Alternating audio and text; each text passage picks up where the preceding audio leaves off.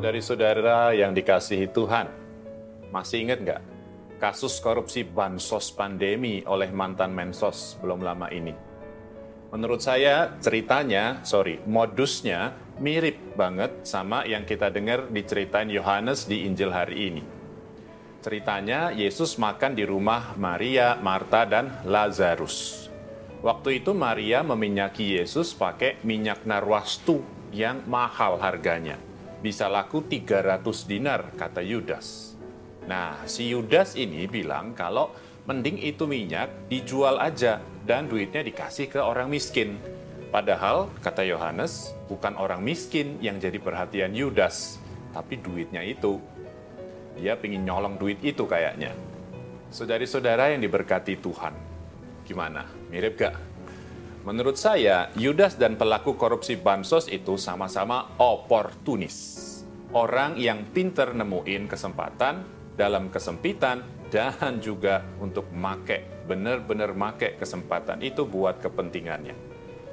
Ada orang yang bilang dengan istilah mengail di air keruh. Bedanya cuman yang korupsi itu berhasil memakai kesempatan itu. Meskipun kemudian ketangkep juga. Sementara Yudas belum sampai memakai duit itu. Saudari-saudara yang disayangi Tuhan, berhasil atau enggak, ketangkep atau enggak, kita dengar ada orang oportunis kayak gitu, apalagi memanfaatkan orang miskin atau yang benar-benar butuh bantuan, itu rasanya gimana banget gitu kan. Mungkin nggak sampai keluar ke omongan atau tindakan keras, tapi dalam hati kita pasti udah ada gejolak, gemuruh, rasa marah. Iya kan? Paling nggak, jengkel lah kita dengarnya. Iya gak? Nah, makanya pesannya simple aja jangan oportunis kayak Yudas, maunya ngambil terus buat diri sendiri.